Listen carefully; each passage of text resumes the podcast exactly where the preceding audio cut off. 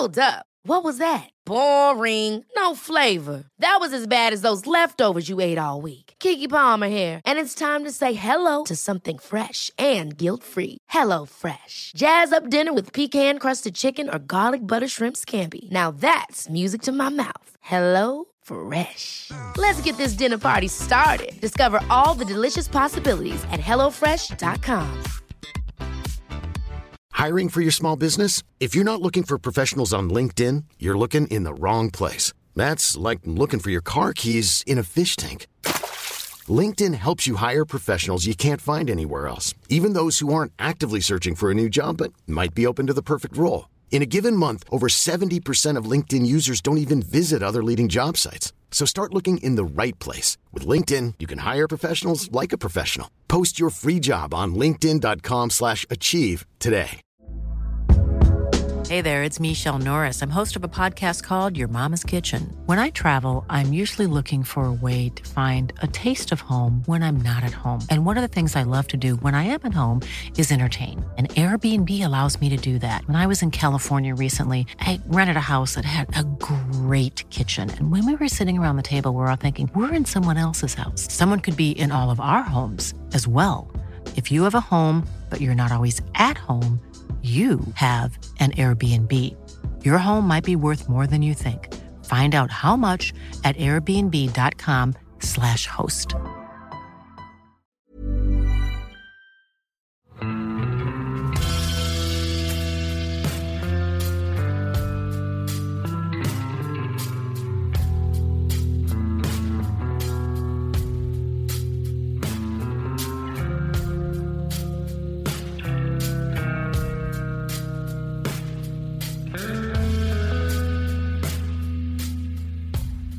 Hei og velkommen til podkasten Uteliv. Mitt navn er fortsatt Randulf Valle, og jeg sitter fortsatt ved Nidelva i Trondheim sammen med lakseforsker Eva B. Torstad. Og vi skal i gang med andre del i denne bitte lille miniserien om laksens livssyklus. Sist så forlot vi en stim med laksesmolt når den hadde kommet seg ut fjorden og satte kursen mot åpent hav. Da snakka vi en del om bl.a. oppdrettslaks og lakselus og innvirkninga dens på villaksen. Og det her er jo ganske sånn politisk betente og temaer hvor store verdier er i spill. Merker du det når, når du forsker på sånne tema? Har du vært under press som forsker noen gang, f.eks.? Ja, altså Vi merker det jo veldig godt i miljøene. Eh, og det er jo stort press mot eh, forskere. Eh, på de temaene her. Eh, men eh, for min egen del så må jeg si at jeg har eh, stort sett bare greie opplevelser med det. Det er kanskje verre for dem som driver med forskning som er mer sånn direkte retta mot oppdrettsnæringa, bl.a. de dataene som kom på sånn rekers toleranse for hydrogenperoksid og sånn her, at det blir vanskeligere da? Ja, det, det kan, jo, kan, jo, være det. Mm. Men vi skal altså følge laksen ut i sjøen. Og det som vi òg nevnte i forrige episode, og som er den triste sannhet, det er at mindre av den smolten som vandrer ut, kommer tilbake som voksen laks i dag enn det som var tilfellet før. Vi sa, altså Innsiget i 2018 var på ca. en halv million laks, og på 80-tallet så var det det dobbelte. Altså, vet vi noe sånn grunnleggende om hva det her skyldes? Altså, det er en kombinasjon eh, av eh, menneskelige påvirkninger eh, og at den generelle overlevelse i havet har gått ned. Så det er begge delene som har medvirka til det. Og vi ser godt at det er stor forskjell mellom regioner og mellom lakseelver, sånn at vi vet at det er lokale og regionale problem, og det er det her menneskeskapte problemene. Eh, og da er det jo særlig eh, oppdrett, eh, som du sier. Rømt oppdrettslaks, lakselus, andre sykdommer og infeksjoner. og kraftregulering og andre fysiske inngrep. Men så har du i tillegg da at økosystemene endrer seg ut i, det store havet. Så det kommer færre laks tilbake nå enn, det gjorde før. Ja, jeg tenkte i den brosjyra om fiskelaksestammene i Tanavassdraget, så har jeg lest et sånn veldig talende eksempel på hva som skjer måte, med høstbart overskudd når sjøoverlevelsen går ned. For eh, Er det riktig å si at sånn på 80-tallet så kunne du regne med at røftlig 20 av smolten kom tilbake eh, mens det i dag er rundt 5 ja, Det varierer jo veldig mellom eh, elver, og det kan variere mellom år. Men ja, vi kan jo si at det var på et sånt nivå, kanskje. Men i hvert fall for å synliggjøre hva en sånn forskjell eh, gjør, da, så eh, var det i den brosjyra eh, gitt et eksempel fra ei fiktiv lakseelv som trengte 200 hunnlaks som gytebestandsmål, og som da produserte 10 000 utvandrende smolt. Og Hvis vi da tenker oss at 20% av dem returnerer, så er det jo 2000 laks som kommer tilbake til elva. 1000 av dem er hunnlaks, og 800 hunnlaks kan fiskes, eller drøyt 1500 laks til sammen. Hvis det da i stedet bare er 5% som returnerer, så er det 500 laks som kommer tilbake. 250 av dem er hunnlaks. Vi kan altså fiske bare 50 hunnlaks og 50 hannlaks, sånn røftlig. Så vi får da ja, 1500 færre laks å fiske i elva. Og det her er ganske dramatisk. Ja, det har store utslag. Eh, overlevelse i havet, eller det som påvirker dem i kystsonene. Eh, og det er akkurat som du sier, det. hvis 5 av dem av smolten, altså laksungene som går ut i havet, overlever i forhold til 10% så altså ved 10% så kommer det dobbelt så mye voksenlaks tilbake til elven eh, som om det er 5% som overlever. Så det, det, har en stor betydning. og Det, jo, det er jo derfor òg f.eks. påvirkninga av lakselus gjør så store utslag. da. Så Det, det jo de samme regnestykkene der. og så får du har du hvis en tredel av dem eh, som, av smolt som dør pga. lakselus, så får du f.eks. i Namsen da, så får du hvis du har 6000 laks som kommer tilbake et vanlig år, og du mister en tredel til lus, da, f.eks., så eh, får du 2000 færre laks tilbake til elva. Det har jo stor betydning for oppnåelse av gytebestandsmål og høstbart overskudd. Og jeg leste i Dagens Næringsliv de hadde en artikkel fra Skottland ganske tidlig eh, i vår. Eh, hvor de der snakka på at de kunne være helt ned i 1% retur av smolten. Og i den fiktive elva vår da, så ville det komme tilbake da 50 hunnlaks, som er en fjerdedel av gytebestandsmålet. Og i et sånt tilfelle, sjøl om du ikke fisker, så går jo den bestanden til grunne. Ja, eh, det, men det er òg viktig å ha med seg at eh, sjøoverlevelser eh, det er jo et resultat av mange forskjellige ting. Sånn at For det første så har det med kvaliteten på smolten, altså laksungene når de går ut i sjøen. Sånn at Er de påvirka av noe i elva eller i ferskvann som gjør at de er mindre eller i dårligere form når de kommer ut i sjøen, så har du en større dødelighet. Så Dødelighet i sjøen trenger jo ikke å være en påvirkning som skjer i sjøen. Og så har du påvirkninga av lakseoppdrett eh, i kystsonen. Eh, og det kan jo enten eh, medføre dødelighet med en gang. Eller altså, lakselus de bruker jo 10-20 dager på å utvikle seg. Så når en laksesmolt får på seg lus, så vil de jo dø før de er ute i storhavet, sjøl om de fikk den lusa ganske nært elvemunningen. Eh, men eh, de kan jo bli svekka av det her, eh, sånn at det kan jo òg påvirke sjøoverlevelsen videre i havet. Og så har du i tillegg da endringer som du kan ha i økosystemet ute i havet. Sånn at sjøoverlevelse er en sum av alt det der. Og kvaliteten på smolten fra elven òg har jo en påvirkning på sjøoverlevelsen. Så hvis, du tenker tiltak, da, hva kan vi gjøre med det? Så kan ikke vi, eh, vi, vi kan ikke endre klima og store økosystempåvirkninger ute i storhavet. Vi kan ikke forvalte makrell, eh, sildebestandene og loddebestandene etter eh, lakseforvaltninga. Så det vi kan gjøre noe med, er jo det som skjer i elvene og kystsonene. Så det, så det, vi faktisk sitter igjen og kan gjøre noe med, og for å styrke dem mot endringer i sjøoverlevelse, det er jo det som skjer i elvene og langs kysten. Så det det, det er den beste måten å møte denne eh, variasjonen i sjøoverlevelse med. Eh, og sørge for at vi har så mye og så stor og så frisk eh, smolt som mulig som går ut fra elven og går gjennom kyst, kysten.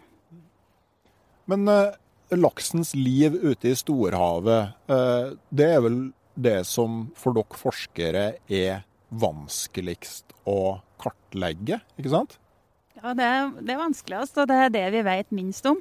Altså, Laksen er jo den arten, eh, fiskearten, eller en av eh, de som er helt på topp på forskning. Det er omtrent ingen andre fiskearter eh, vi vet så mye om som laksen ut ifra forskning. Men vi vet jo enormt om eh, laksen i elven, eh, en del om dem på kysten, og ganske lite om hvor de er hen og hva som påvirker dem i havet. Så det er litt sånn svart høl ennå. Det, det er det nye spennende vi holder på med på lakseforskning nå, for å få mer kunnskap om. Ja, og der har det jo kommet noen ganske interessante studier med og merking i det siste. Bl.a. noe noen støinger fra Altaelva. Støinger er da laks som har gytt og er på vei ut i sjøen igjen. Som har vært merka og fulgt ute i sjøen. Kan du si noe om hvordan den merkinga her fungerer? Eh, vi bruker satellittsendere. Eh, de er så store, så det er derfor vi ikke kan merke lakseunger eller laksesmolt. Men vi må merke voksenlaks som har vært oppe og gytt, og som skal ut i havet på en tur til. Eh, og de senderne her de har jo ikke direkte kontakt med satellitter. Men pga. at de er nede i vann. Så vi må lagre informasjon underveis i senderen. Så eh, senderen sitter på fisken, eh, måler temperatur, dyp og lys. Eh, eh kanskje noen ganger i timen eh, gjennom hele døgnet.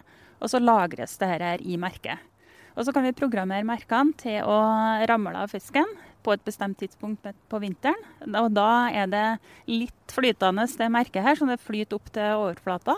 Og så sender det signal til satellitten. Så da sender det signal 'her er jeg nå i dag'. Da vet vi at laksen var i hvert fall der, kanskje ved Svalbard, akkurat i februar.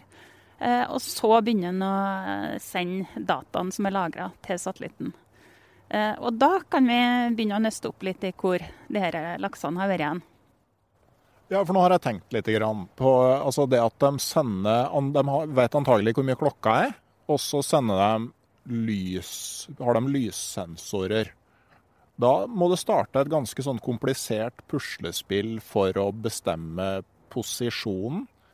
Eh, for jeg ser for meg at daglengden forteller hvor langt nord du er. Mens når sola står opp om morgenen, for å si det veldig enkelt, forteller hvor du er i øst-vest-retning. Ja, det var veldig godt resonnert. Sånn eh, foregår det. Eh, det er prinsippene med hvordan man bruker lysmålinger til å finne ut hvor laksen er igjen i havet eller andre store fisker. Så det er litt grovt, da. Eh, så man kan ikke bruke det på fin skala, men grovt sett så kan man finne ut vandringsruta til stor laks i havet på den måten. Men det er jo noen skjær i sjøen, da. Har du tenkt på det òg, eller?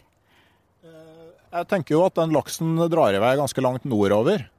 Eh, og det er ikke noe sånn eh, veldig mye natt når du begynner å komme nordover. Det var jo det som eh, Var det ikke NOAH som hadde gått på en liten den dyrevernsorganisasjonen som lurte på om det var hva slags nattsiktemidler som var brukt på bjørnejakt i Pasvik om natta i juni? Ja, det, det, har jeg ikke hørt om, men det var et godt poeng. Og det er akkurat det, det er som du sier, et godt poeng. Midt på sommeren og midt på vinteren så er det ikke så stor forskjell på lyset i døgnet i nord.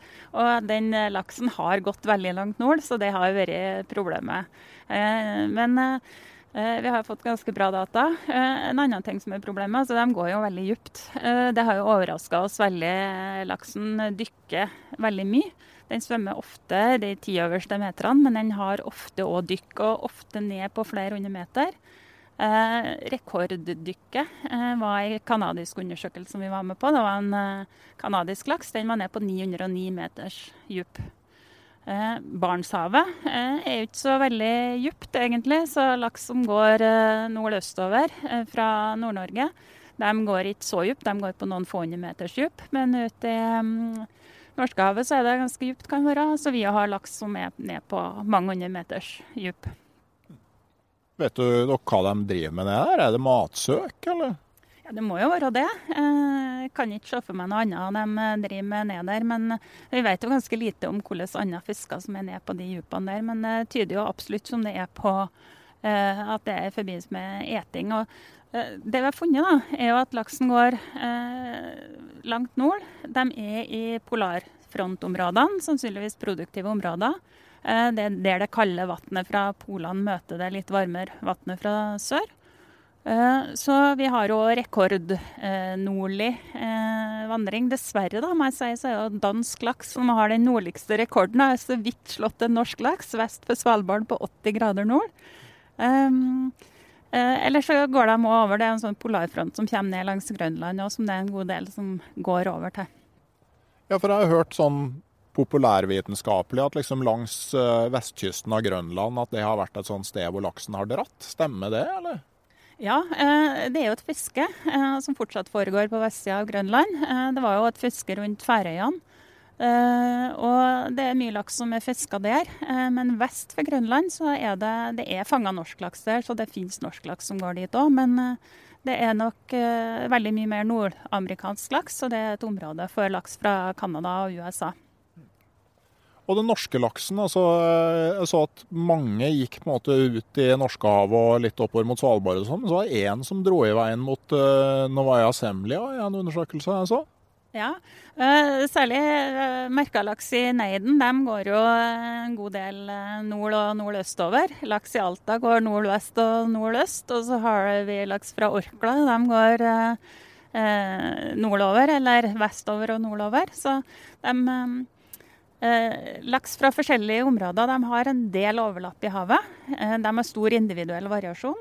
Men de gjør òg litt forskjellige ting. Sånn at du i noen grad så, så, har du ikke overlapp. Og så, som sagt, laksen fra Øst-Finnmark går jo sannsynligvis mye mer eh, i Barentshavet enn, enn fra andre bestander. Så eh, Laksen i Neiden den husker at eh, det området her tradisjonelt har tilhørt både Norge og Russland. Og eh, skiter i de nye landegrensene og stikker til Russland for å spise? Ja, Laksen bryr seg i hvert fall ikke om grensa, det er helt sikkert. Nei. Men eh, vet vi noe om eh, hva det er For det er spesielt smålaksen det, det, blir mindre av tilbake fra sjøen. Altså Vet vi noe om hva det skyldes, at den eh, spesielt har dårligere overlevelse? Nei, det, vi vet jo relativt lite om hva er det som er årsaken til at vi har hatt redusert vekst og overlevelse i havet. Eh, så akkurat som du sier, altså, storlaksen har ikke gått så mye tilbake. Det er smålaksen som har eh, i stor grad gått tilbake. Eh, og det virker jo som det er dårligere forhold for dem i, i sjøen. Dårligere med mat, dårligere vekst. Eh, det kan være at eh, hovedproblemene er ganske tidlig i sjølivet deres. At de vokser tidlig ut på eh, ytterste fjordene og når de begynner å komme ut i havet første perioden. Men vi, vi er ikke helt sikre. Vi har et stort forskningsprosjekt nå som vi holder på med det. Prøver å nøste litt mer i det her. Hva det er som egentlig skjer. Men, men kan det òg være at, en måte, at, en større andel blir lenger i sjøen? Altså at, at liksom, når det fortsatt er omtrent like mye storlaks som før, eh, at det rett og slett eh, er en, større dødelighet i alle fraksjoner, men at flere blir lenger enn før? Ja, Det var jo noen år her, så altså, Normalt så sier vi at en laks som har vært ett år i sjøen, er mellom 1 til 3 kilo. Eh, en laks som har vært to år i sjøen før den går tilbake, den er mellom 3 og 7 kilo. Eh, og så var det jo særlig en periode her for noen få år siden, det retta seg litt i fjor, men hvor det var mye laks opp eh, rundt tre kilo som ikke hadde vært ett år i sjøen, men faktisk hadde vært to år i sjøen. Så det så ut som veldig fine ettårslaks, men det var egentlig magre toårslaks som kom tilbake som ganske små. Eh, men samtidig så har vi hatt en del sånne som er kommet tilbake veldig små, sånn 600-800 grams lakser. Så det er jo en del som har vokst så dårlig at de rett og slett da velger å gå tilbake til elva som, som veldig små. Eh, så det er nok en sånn avveining. Eh, de må gjøre en avveining, eller de har det jo programmert i genene sine, men eh, det er jo en i forhold til kan du vokse og bli større, eller reduserer du da sjansen for å overleve. Så du, du skal jo både overleve, og du skal helst være så stor som mulig. Ja, for det er jo på en måte hele sånn bakgrunnen for den vandringa ut i sjøen, er at du har en bonus i form av ekstrem økning i størrelse. Og så er ulempen det at det er svært stor sjanse for å dø ute der, ikke sant? Ja, eh, og eh, det er jo forskjell på hue og handa. Så en hulaks vil jo bestandig ha en fordel av å bli større, eh, fordi at de antall egg er i henhold til kroppsstørrelse. Så hvis du er en kilo større hulaks, så har du nesten 1500 flere egg du kan legge. Men for en hannlaks så er det ikke så gradvis. Så strategien for en hannlaks det er jo enten så må du bli så stor at du kan kjempe med de andre hannene på gyteplassene og være med på gytinga, være med på leiken.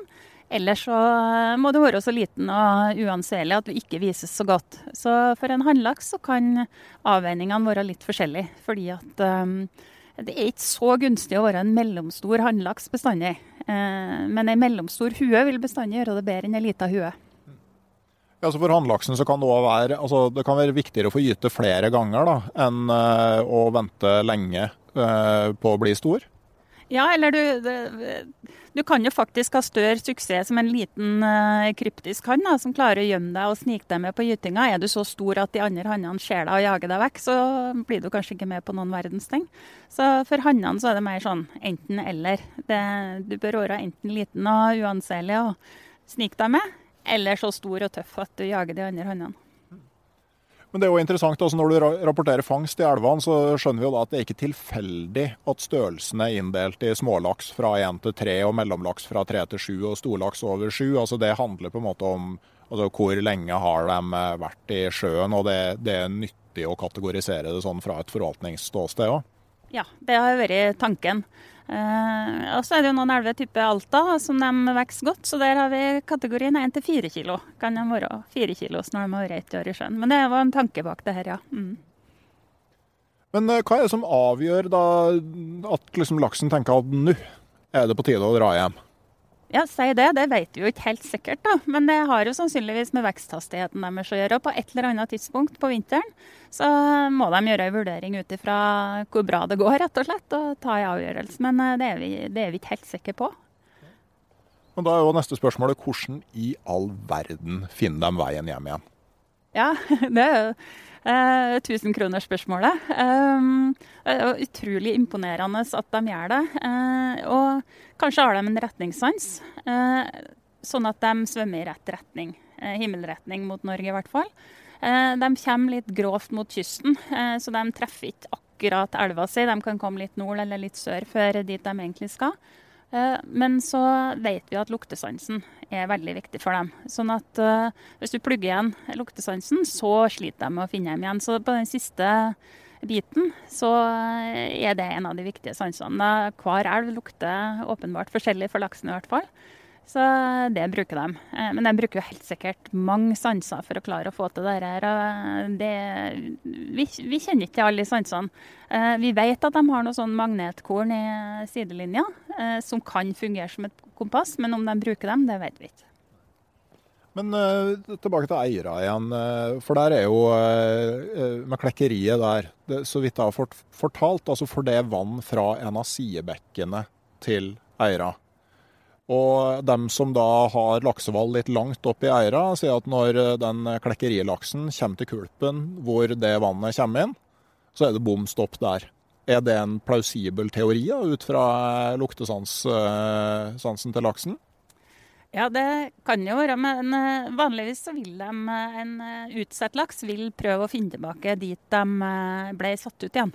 Eh, sånn at eh, det kan være viktigere hvor de ble satt ut i elva. Eh, men det er litt større spredning på klekkerifisk enn på villfisk. Så de er litt mindre flinke til å finne tilbake til elva si. Ok, Men altså, da kommer altså, så laksen finner først tilbake til kysten, og så lukter den seg mer eller mindre Det er en teori i hvert fall, at man lukter seg tilbake til riktig elv når den, når den kommer til kysten. Ja, det er det. De bruker helt sikkert luktesansen, men hvilke flere sanser de bruker, da, det kan vi jo bare spekulere på. Men de, de, er nødt til å lære det på vei ut. Eh, sånn at de lærer seg det gradvis når de går ut uh, som laksesmalt. Sånn at hvis du kjører dem ut, setter dem ut lenger ut i fjorden, så, kommer, så, sliter de. Da har de litt større spredning, og så kommer de tilbake dit de ble satt ut igjen da òg. Så, og hvis du tar en eh, laks som har eh, gytt, eh, som har hatt utvandringer som laksunge, og så flytter du den til en annen elv, så den går ut fra en annen elv som voksen den andre gangen, så vil den tredje gangen gå tilbake dit den var som laksunge. Så den har et sånn vindu for læring når de er smalt, som de ikke har som voksne. Ok, så det er interessant. Og Da skjønner vi på en måte litt forsøkene som ligger bak her. Man har prøvd å flytte, voksen laks fra ei elv til en annen og la den vandre ut derifra. Man har prøvd å slippe smolten langt ut i fjorden. Og man har faktisk da blokkert luktesansen på laks og fulgt dem og sett hva som skjer. Ja, eh, Det siste hadde vi kanskje ikke fått lov til å gjøre i dag. Da. Det, vi har litt andre etiske krav til hvordan forskning vi driver med. Men eh, det er gjort veldig mye sånn utsettingsforsøk med hvor de kommer tilbake. Merking og utsetting. Vi som holder på med merking, eh, møter jo mye mer krav nå til at at eh, det er dokumentert at du ikke har noen store effekter på fisken, og sånn, og det er jo veldig bra. Eh, og Vi som forskere vil jo heller vi vil jo ha data fra fisk som oppfører seg naturlig, så det er viktig for oss det òg. Så det er veldig bra at det har blitt strengere krav til forskning.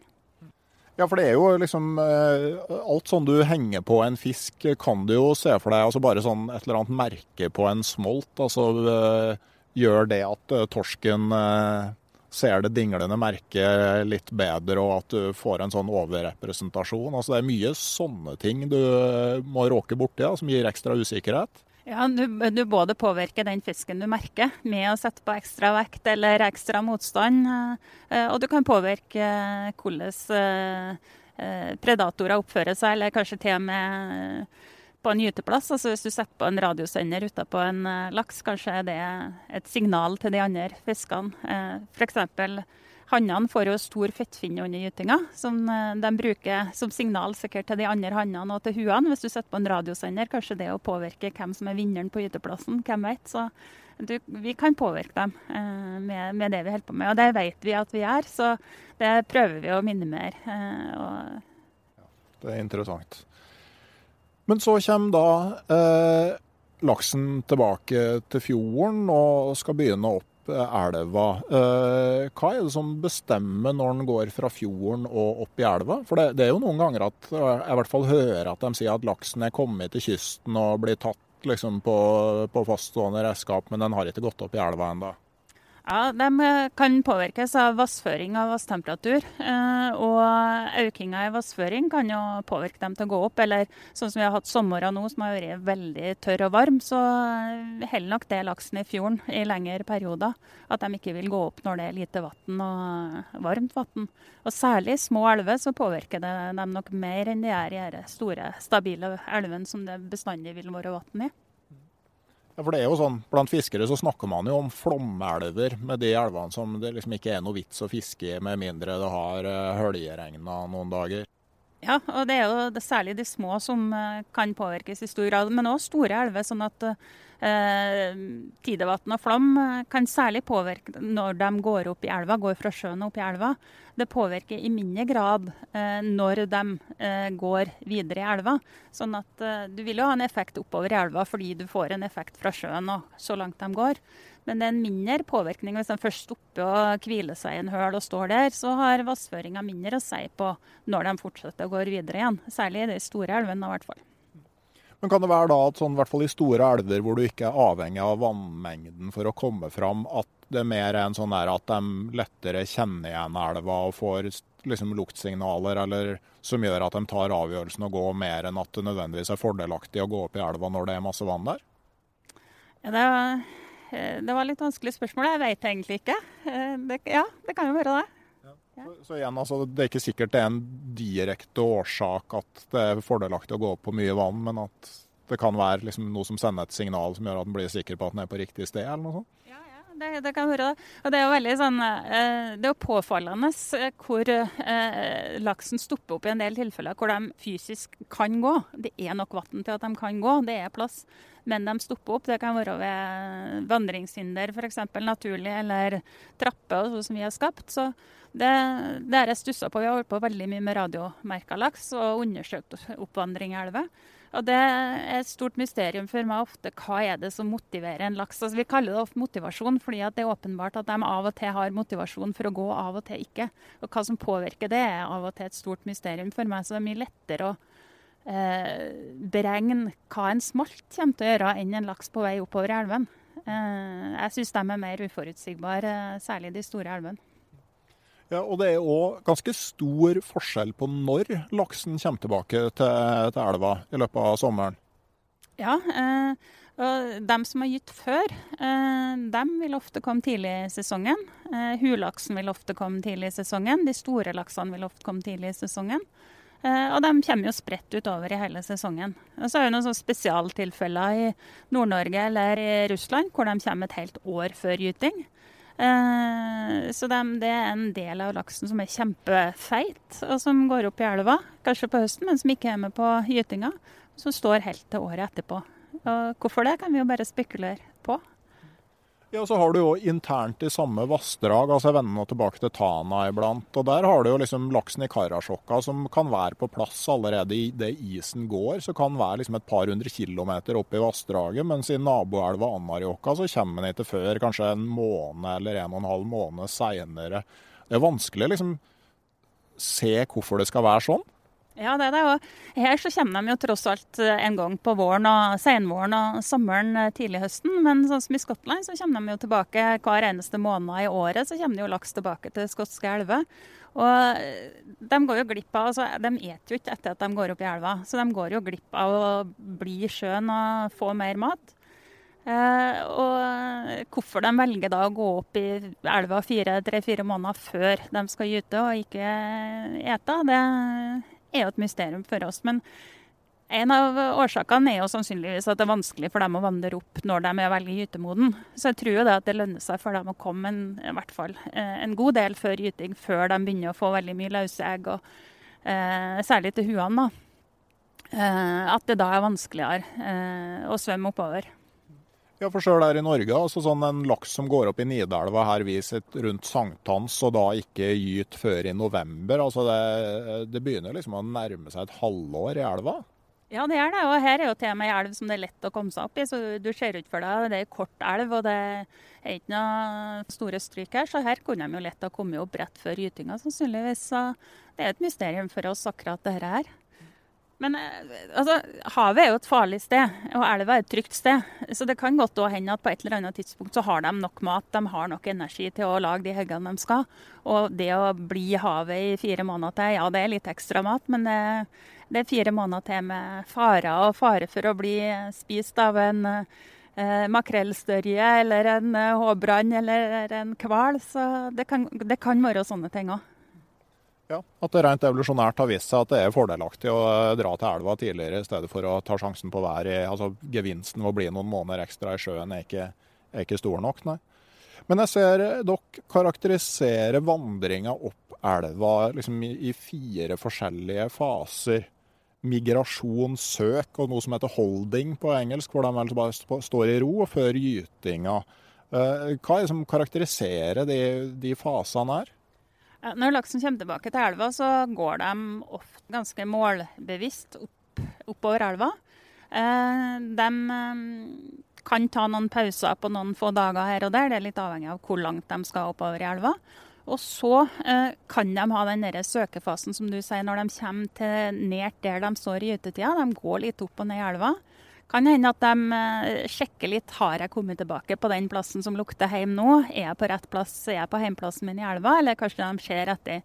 Kartlegger litt gyteplasser, kartlegger hvor det er fint å stå fram til gytetida.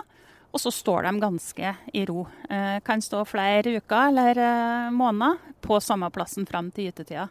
Eh, og bare vente. Eh, og de står ikke akkurat nøyaktig på gyteplassen nødvendigvis. De kan stå litt nedenfor eller litt overfor, så de står nå ikke og passer på gyteplassen. De står nå og bare venter på gytetida.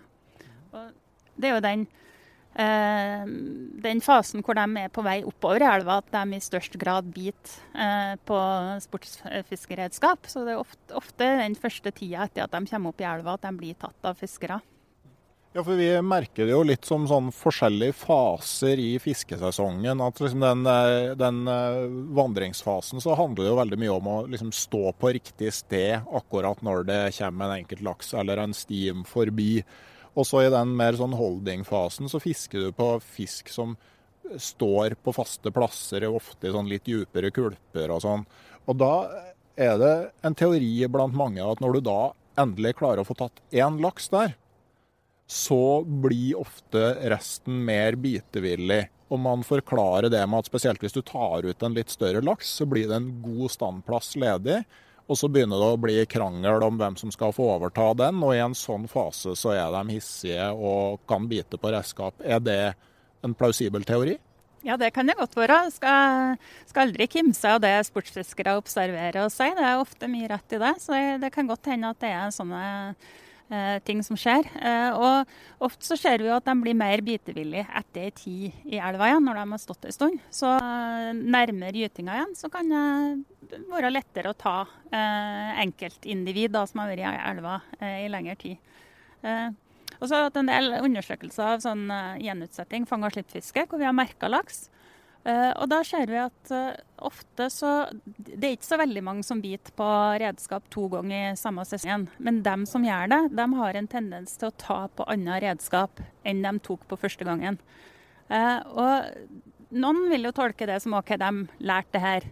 Men jeg er ikke så sikker på det. Jeg er ikke så sikker på at en laks husker på at oi, den uh, skeia, den uh, sluken jeg tok på sist, det må jeg prøve å unngå. Men den fjerdehusken der, det er ikke så farlig, for det har ikke jeg opplevd uh, som noe problem før. Jeg, jeg, tror ikke laks lærer sånne ting så godt på den fasen der. Men det kan godt være akkurat som du sier, de stiller seg litt annerledes i elva, og du må fiske med andre redskaper for å få dem faktisk, når de har stilt seg til. Interessant. Men sånn, vi er på fang og slipp. da, altså, hva, hva, kan du si om eh, det? Altså, er det altså, hva er dødeligheten, f.eks.? Vi har radiomerka laks under eh, fang og slipp. altså Sett en eh, sender på, sånn at vi kan følge hva de gjør etterpå. Og da har vi ja, en gjennomsnittlig overlevelse på 93% så det er en veldig bra overlevelse på dem. Men det avhenger jo veldig av hvordan de blir håndtert. Så det er jo helt vesentlig at fiskere håndtere dem eh, raskt og pent og ordentlig. Det, det er hele hovedclouet eh, egentlig med å få, få bra overlevelse. Eh, både å fiske på en måte og med redskap som gjør at de ikke blir dypt kroka, ikke får kroken langt ned i hersen eller i gjellene, og så håndtere dem fint. Men også med vanntemperatur, altså er det noe med at det her er verre når det er varmt enn når det er kaldt, er det riktig? Ja, det, det virker som det øker gradvis. Eh, Eh, gradvis øker temperatur, særlig fra 17-18 grader oppover, så tåler de mindre og mindre, og overlevelser blir mindre. Eh, og da, jo, da stiller jo enda større krav til fiskerne, at de blir håndtert fint eh, på høy temperatur. Det er jo ofte når det blir høy temperatur og lav vannstand, så kommer det redskapskrav om at du skal bruke lettere redskap. Men det er jo enkelte da som har sagt at egentlig burde det være stikk motsatt. At du, når det er lav vannstand og varmt vann, så burde du kun få lov til å bruke veldig kraftige redskap, sånn at du kan kjøre laksen hardt og få den fort på land, og, og liksom at tida på kroken blir kort, forkorta i stedet for forlenga. Ja, jeg, jeg, vet ikke, jeg skal ikke gi noe råd i så måte. Det, det vil egentlig fiskere vite bedre enn meg, men hovedpunktet er jo i hvert fall å fiske så ikke, altså sånn at du kroker dem fint. da. Eh, og det vet fiskere enn, bedre enn meg, hvordan man skal fiske for å eh, ikke kroke dem i gjellene og kroke dem dypt. Det har jo eh, noe med redskap å gjøre, men det har jo mye med hvordan du fisker å gjøre òg. Det vet jo du. Um, men igjen, det er jo håndteringa som er viktig. Altså fisk på en måte som gjør at man håndterer dem ordentlig. Yep. På vei oppover elva, altså, jeg leste at eh, laksen, altså sånn der det kommer inn sånn kaldt vann f.eks. fra et vannkraftverk, så kan laksen bli liksom sånn lurt og mer eller mindre ikke finne veien videre. Er det riktig forstått? Ja, i hvert fall eh, mengdevann. Eh, hvis de kommer opp eh, ei elv, så kan du ha en del kraftverk hvor du mellom inntak og utløpet på kraftverket har en strekning med veldig lite vann, en minstevannføringsløp. Og da kan de jo bli trukket mot kraftverksutløpet, og der det kommer den store mengden vann, og har problemer med å finne den det løpet som det er veldig lite vann igjen. Eh, og Av og til så går de opp i det løpet, og så snur de og så går de ned til hovedelva igjen. Så det virker som de blir ganske forvirra og lurer på shit, hvor ble det av alt uh, vannet. Uh, nå har jeg havna i en liten bekk, og jeg var jo egentlig i stor elv, så det påvirker dem. Hvor fort kan laksen gå på da? Hvor langt kan den gå på en dag? Uh, ja, det, de kan i hvert fall gå 10-20 km oppover på en dag. men på korte strekker så kan de nok gå en god del fortere enn det. Eh, kan. Ja, kan jeg ta en liten digresjon når det gjelder vandringshastigheter, eller? Ja, kjør på. Ja, for Vi hadde en artig tilfelle. Vi merka en, ei laksehue i lakseelva i vår. Eh, den hadde jo gytt i høst, da. den var 110 cm lang, så ei stor hue. og Den hadde stått i elva hele vinteren. Vi kom og fiska den på våren på vei ut i sjøen igjen. Merka den med satellittsender. Og så har vi av og til tekniske problemer. De løsner før tida, disse satellittsenderne. Og det gjorde den her, så den løsna etter tre uker. Men da hadde vi hell i uhell. Den laksen hadde gått helt til Bjørnøya på de tre ukene. Det er 855 km, så den hadde gått fire mil om dag utover eh, den her magre laksehua som har stått hele vinteren. Så det er helt utrolig hvor fort de kan gå av og til. Og En annen ting også som er imponerende med laksen, er jo den evnen til å komme seg over hindringer, altså fosser da, typisk i elva. Jeg leste at eh, det er ganske mange faktorer som påvirker hvor høyt den kan hoppe, bl.a. hvor djup kulpen under er, sånn at du får tilstrekkelig fart. Men at du i hvert fall registrert at de kan hoppe 3,8 meter. Ja, det, det, er viktig som du sier at de har den der kulpen og kan gå ned dypt. Og at det kanskje er en sånn strøm som går i sirkel der, og at de bruker den til å hoppe opp på. Eh, og så kan de jo av og til Du, du ser jo det at de omtrent svømmer oppover òg. Så hvis det er litt sånn eh, eh lommer og kanter de kan stoppe eller hoppe via, så er det jo helt fantastisk hvordan de tar seg opp. Jeg tenker liksom Når du står på tremeteren i svømmebassenget og så tenker at den kunne hoppe opp dit, altså det, det er jo ganske vilt. Og den der voldsomme trangen til å alltid oppover. Sånn jeg har stått inne i vassdrag inne på vidda i Finnmark, og liksom utpå natta i august så går det laks med halve ryggsida øh, over vann mellom beina dine videre oppover. det. Hva er det den driften der kommer fra? Nei, de er jo uh, klar for å på gyteplassene, så det, det, er jo sterk drift der. og uh, det, det, er jo, det, er jo, helt imponerende. Så jeg tror noe av derfor det er årsaken til at vi Eh, er så imponert over laksen. Og at det er mye oppmerksomhet rundt laksen, er jo at det, at det er en sterk fisk. Eh, eh, stor og sterk fisk. Og ja, svømme, svømme i tøffe områder og fosser, det, det imponerer oss. Ja, så faktisk Det at den er så synlig òg. Tenker at uh, du kunne se den ganske mye over vann. Men uh, da begynner vi liksom å komme til uh, til gytinga. Og hva er det som skjer når gytetida nærmer seg? Ja, Nå sitter vi jo ved Nidelva, da, midt i gytetida, så det er jo gyteaktivitet rett uti her akkurat nå. Det er jeg helt sikker på. Og da er jo Hannene driver jo og slåss mot hverandre. Det er de store hannene som kontrollerer gyteplassen ofte og holder unna de små hannene så godt de kan. da. Uh, huene de finner en gyteplass, og det er huene som bestemmer hvor de skal gyte hen. Så de graver ei grop rett og slett i grusen. De ligger på sida og flekser med kroppen, så de får til ei grop. Og så kommer hannen opp på sida uh, når gytinga er i gang, over gropa. Og um, da kan det ofte komme små uh, hannlaks med og snike seg med på gytinga, så det kan jo være flere som er med på moroa der. Eh, og så graver hua over eh, gytegropa si igjen. Og hua kan lage sju, åtte, ni gytegroper i løpet av gytetida.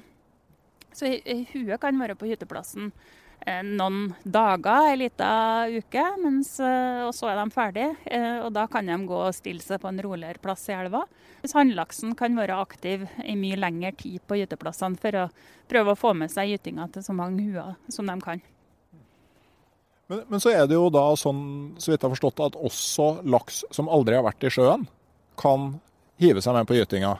Ja, det er noen sånne små luringer, noen sånne små hannlakser eh, som eh, er i smoltstørrelse, altså de er 10-15 cm lang.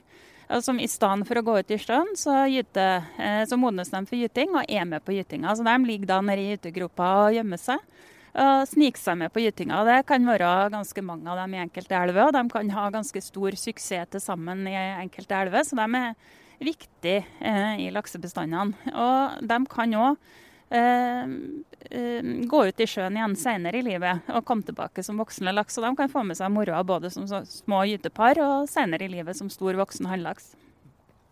Men det må jo være litt sånn uforutsigbart om en sånn en har eh, noen gener det er smart å føre videre sånn for bestanden som total, da, når den liksom ikke har vært ute på den store reisa i havet. Ja, men det har heller ikke hatt noe stor dødelighet da, i havet, så den har ikke tatt så mye sjanser i livet. Så selv om den blir med bare med en liten porsjon, kanskje befrukter bare en liten porsjon av eggene, så har den levd et godt liv før den har klart det. Så det er jo åpenbart en strategi som eh, fungerer, eh, siden de finnes eh, der.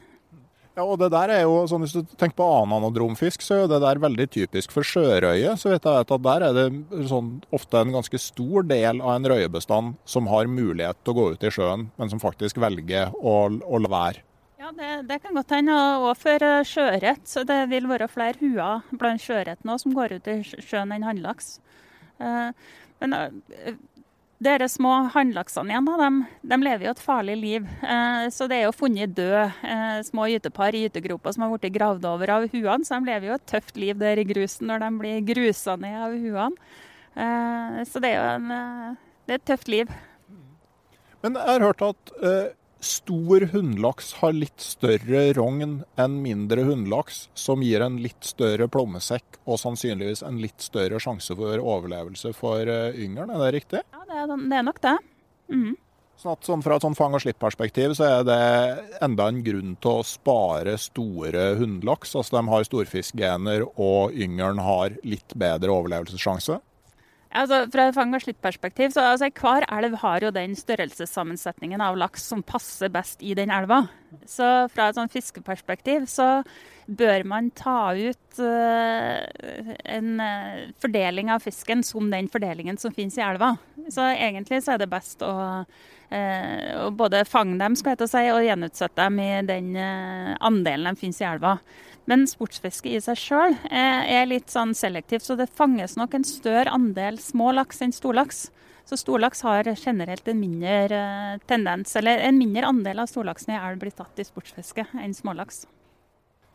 Men så er det da heller ikke bare villaks som kommer på gyteplassene det er også en del oppdrettslaks der. Uh, altså med sånn retorisk spørsmål. Altså Hvis oppdrettslaksen kommer seg opp i elva og klarer å være dominerende på gyteplassen og klarer å få gytt, vil ikke det da bety at den måte, evolusjonsmessig har rett til det, og at det er en lur ting? Ja, eh, altså um, Rømt oppdrettslaks de går opp i elven. Og de er med på gytinga, det vet vi. Men så er de også dårligere til å være med på gytinga. Så de er dårligere til å gyte, og særlig hannlaksen. Uh, hulaks av rømt oppdrettslaks de klarer seg bedre i gytetida. Uh, så vi har uh, innblanding av rømt oppdrettslaks i elven. Og vi vet at vi har det. Genetikerne sier at vi har spor av gyting av rømt oppdrettslaks i 150 norske lakseelver nå, altså to tredjedeler av dem som er undersøkt. Så vi vet at de er med. Men de er med altså Oppdrettslaksen er jo, det er jo samme arten. Og de er jo oppdretta fra norsk villaks. Men de har vært oppdrett i flere generasjoner, så de er forskjellige fra villaksen. De er oppdretta, eh, tilpassa og vokser fort. Klarer seg godt i oppdrett, så de er en del forskjellige.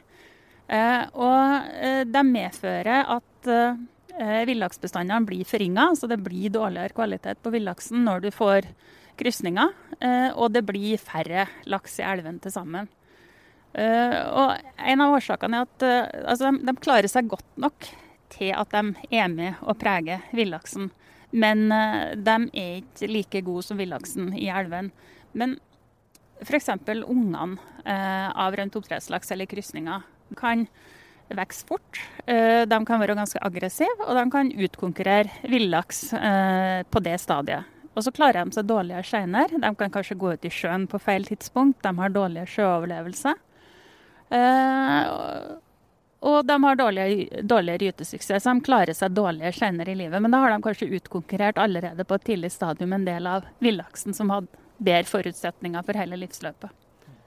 Og Det blir jo litt det samme med den eh, oppdrettslaksen som kom opp i elva. Altså at Selv om den på en måte skulle være tilpassa å konkurrere på gyteplassen, så har jo den sluppet å være tilpassa eh, å vokse opp fra yngel og med sjøoverlevelse og alt det der. Da. Så, som eh, den, den villaksen vi finner på gyteplassen, altså de som har best suksess der, er de som både liksom klarer å hevde retten sin på gyteplassen, men også har vært i stand til å overleve hele turen ut i sjøen.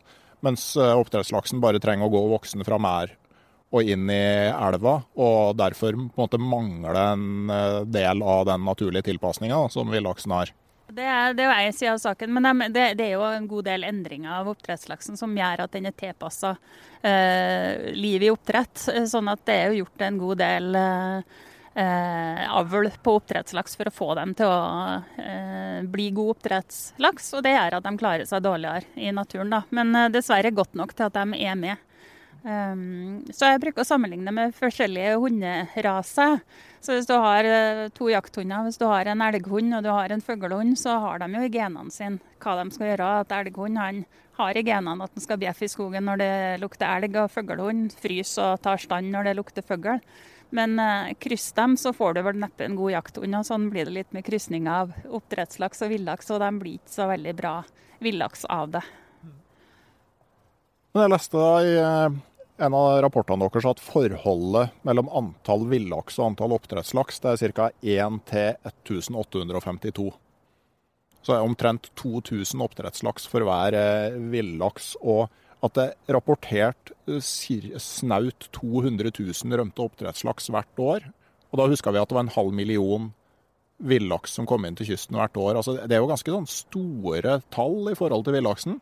Det er jo et av problemene med oppdrett, det er de store antallene. Så øh, oppdrett eh, har jo endra seg mye de siste årene, sånn at det er en veldig mye mindre andel av oppdrettslaksen som rømmer nå enn det var. Det er gjort veldig mye for å forsterke oppdrettsanlegget og redusere rømmingene. Så det er jo en veldig liten andel av oppdrettslaksen som rømmer, men det er nok til at det er et øh, problem for villaksen. Så hittil i år så er det jo rømt snart 300 000 laks. Eh, men nå jo, varierer jo gjennom året og med hvilket livsstadium de rømmer på. Eh, hvem som klarer seg. Så de verste er nok dem som rømmer tidlig i livet. Kanskje hvis de rømmer på smoltstadiet, blir med villaksen ut i havet, så ser de jo helt ville ut og er kanskje eh, dem som medfører de største negative effektene.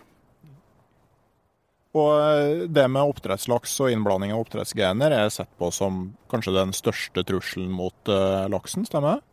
Ja, det er jo det. fordi at det både reduserer laksebestandene og det er jo fare for at det er irreversible endringer. Du endrer karaktertrekkene til villaksen på en måte som kanskje ikke kan eh, endres tilbake igjen.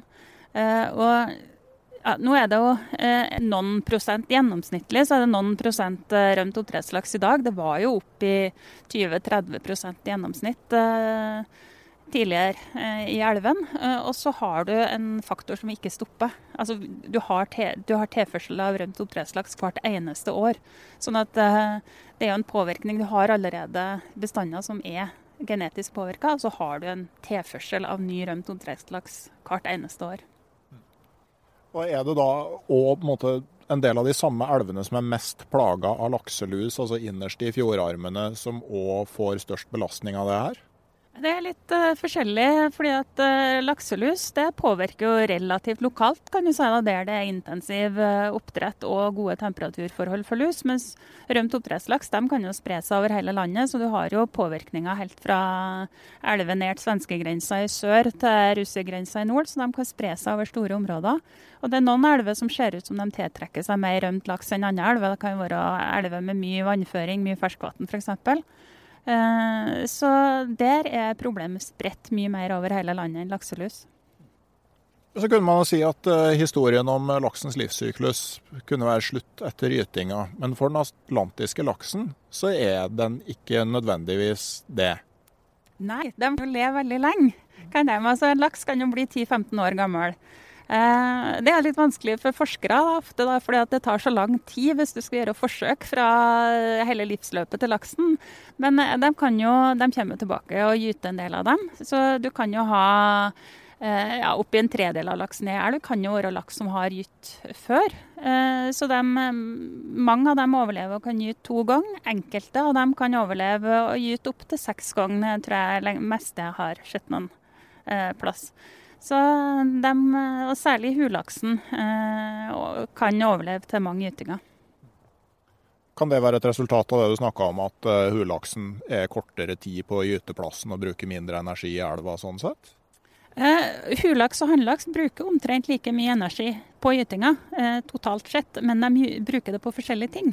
Sånn at Hulaksen bruker jo stort sett energien på å produsere egg, mens hannlaksen bruker det stort sett på å slåss med de andre hannene og være konge på gyteplassen. Eh, og kan få en del skader og sånn, så det er større dødelighet på hannlaks enn på hulaks, selv om de har brukt omtrent samme mengden energi.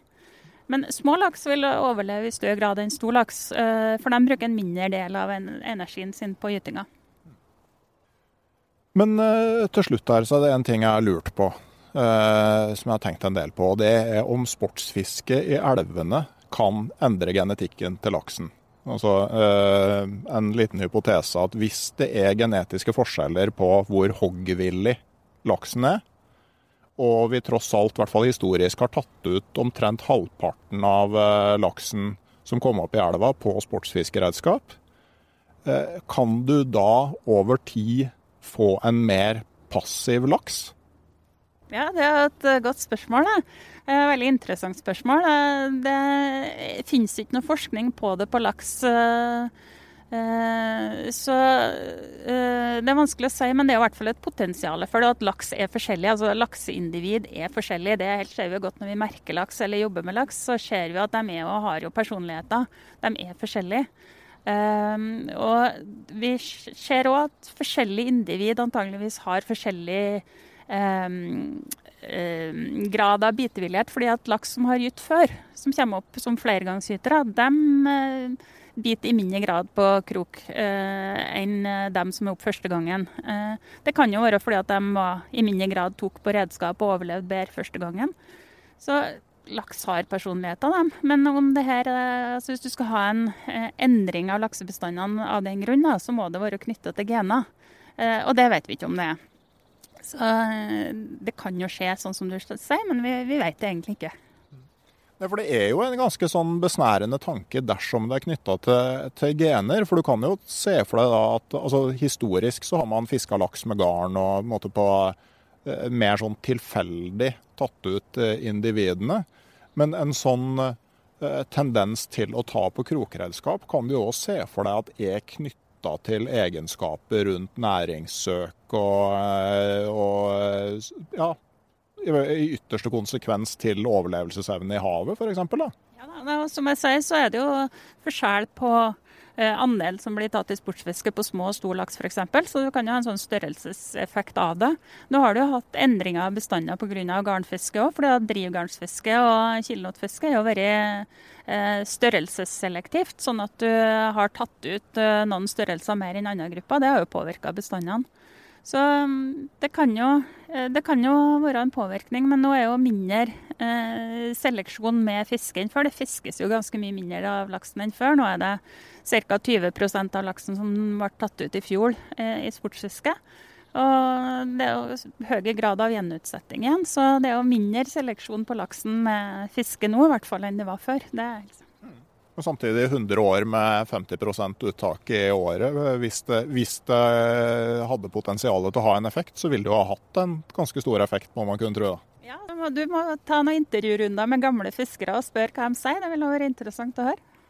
Ja, altså, det, Du leser jo rundt om liksom, at laksen har blitt kroksky, og du ser jo at altså, Det var jo sikkert mer fisk i elvene før òg, men de der gigantfangstene som du kan eh, se fra gamle dager, det var det som fikk meg på ideen. altså sånn, eh, Var det bare mer fisk før, eller kan man tenke at laksen var mer bitevillig? Og Jeg ser jo det har vært et forskningsprosjekt på sjøørret nå, hvor man snakker om personligheten til fisken, og ser at de som har hatt mest tendens til å søke rundt omkring og liksom være litt sånn tøffe i trynet og oppdage nye områder, er også de som i størst grad har blitt tatt på krokredskap. Da. Ja, det, det, kommer jo mer og mer sånn forskning nå eh, på andre arter. Så eh, det, det, er helt åpenbart at de er personligheter og har forskjellige personligheter, og at det påvirker dem. Mm. Yep. Men det her er jo da kanskje et sånn eksempel på ting man ikke veit. Og eh, jeg vet at du liksom, som forskningsformidler eh, er mer glad i å snakke om det man veit og kan si noe om, enn det man ikke kan si noe om. Men hvis det var liksom på en måte én ting du kunne Hva er det om laksen du veldig gjerne skulle ha visst, men som du ikke veit? Ja, det er et spennende spørsmål. Men jeg tror kanskje at det, det, som engasjerer meg mest akkurat nå, er jo laksen i havet. For det holder vi på med et stort forskningsprosjekt på, og det holder vi på å nøste bitte, bitte litt opp i. Så det jeg lurer på nå, begynner vi å få mer kunnskap om hvor stor laks er i havet på andregangs uh, tur ut i havet. Men hvor er smolten? Hvor er den norske, hvor er den norske lakseungene i havet? Uh, det hadde jeg gjerne skulle ha visst. da. Jeg tror kanskje at eh, vi skal la det være avslutningen her. Bare helt til slutt. Altså sånn, eh, hvordan ser du for deg framtida til den atlantiske laksen? Eh, er du håpefull, eller er du pessimist? Eh, ja, Det kommer jo an på forvaltningen av laksen. Eh, det er jo gjort eh, en altså, Forvaltning av laksen det, det, finnes veldig mye kunnskap om laks, og det står ikke på kunnskap om laksen som gjernest. Eh, vi vet veldig mye, så vi har godt grunnlag for at det kan tas gode eh, beslutninger. Og så har vi veldig mye sånn solskinnshistorier. Vi hadde jo forsurings hvor vi tapte en god del laksebestander i Sør-Norge. Og så hadde vi Gyrodactylus, den innførte parasitten som holdt på tok knekken på 50 laksebestander som vi har blitt kvitt. Og det er brukt store ressurser på um, uh, tiltak der. Sånn at uh, det viser jo at, vi, at, det, at, det, går an, hvis man bruker ressurser og bestemmer seg for det. Så uh, det går an. og de store utfordringene nå er jo i stor grad knytta til oppdrettsnæringa. Og det kan jo være greit å se. Altså, sånn, altså, laksen virker jo å være på et vis sånn ganske fleksibel øh, og kan på en måte justere livet sitt og sånn. Men på den andre sida så er den jo avhengig av mange biotoper og flere forskjellige plasser da, i løpet av livet sitt. Men jeg la merke til hva dere avslutta rapporten deres med. Det Darwin aldri sa. At øh, det er ikke den sterkeste som overlever, heller ikke den mest intelligente, men den som er best på å takle endringer. Så spørsmålet blir kanskje da om øh, da får vi bare håpe at laksen er i stand til å takle de endringene den blir utsatt for i årene framover. Ja, fordi det er jo åpenbart store klimaendringer som påvirker laksen. Og det kommer jo på toppen av de andre påvirkningene. Og det påvirker, altså, hvis du har en genetisk innblanding av rømt oppdrettslaks, så gjør det laksen i mindre stand til å takle endringer med klimaforandring. Eh, F.eks. Eh, har du færre laks, så takler de òg endringer i klimaet dårligere. Så det gjelder å styrke dem på andre områder for å kunne møte klimaendringene de helt sikkert møter nå framover. Så eh, da sier jeg tusen takk til deg for denne gjennomgangen av laksens livssyklus, Eva. Eh, og eh, så får vi bare kanskje avslutte med at eh, det beste som vi kan gjøre, er i hvert fall å fortsette å prøve å sørge for at gytebestandsmålene blir nådd, sånn at det går an å fortsatt ha laks og sikte mot målet med et høstbart overskudd. Ja, det er det. Takk for meg nå. Og så kommer det en ny episode av podkasten Uteliv om ei uke.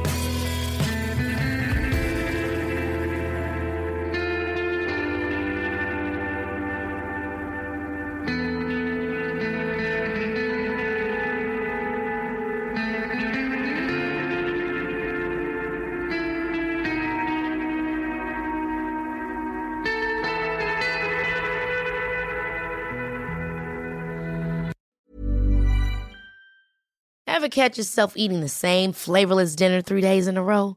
Dreaming of something better? Well, HelloFresh is your guilt-free dream come true, baby. It's me, Kiki Palmer. Let's wake up those taste buds with hot, juicy pecan-crusted chicken or garlic butter shrimp scampi. Mm. Hello Fresh. Stop dreaming of all the delicious possibilities and dig in at HelloFresh.com. Let's get this dinner party started.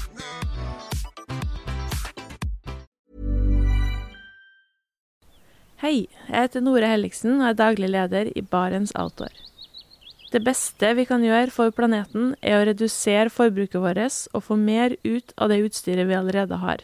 Men vi vet av erfaring at bruken av telt kan endre seg over tid. Det teltet du kjøpte for to år siden, passer kanskje ikke det behovet du har i dag.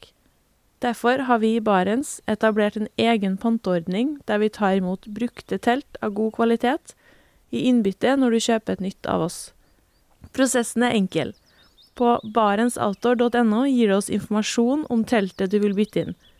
Basert på det får du et tilbud fra oss som gir deg rabatt på ditt neste Barentsprodukt. Mer info og betingelser finner du på barentsoutdoor.no. Og husk at den første reparasjonen på produkter fra Barents er alltid gratis.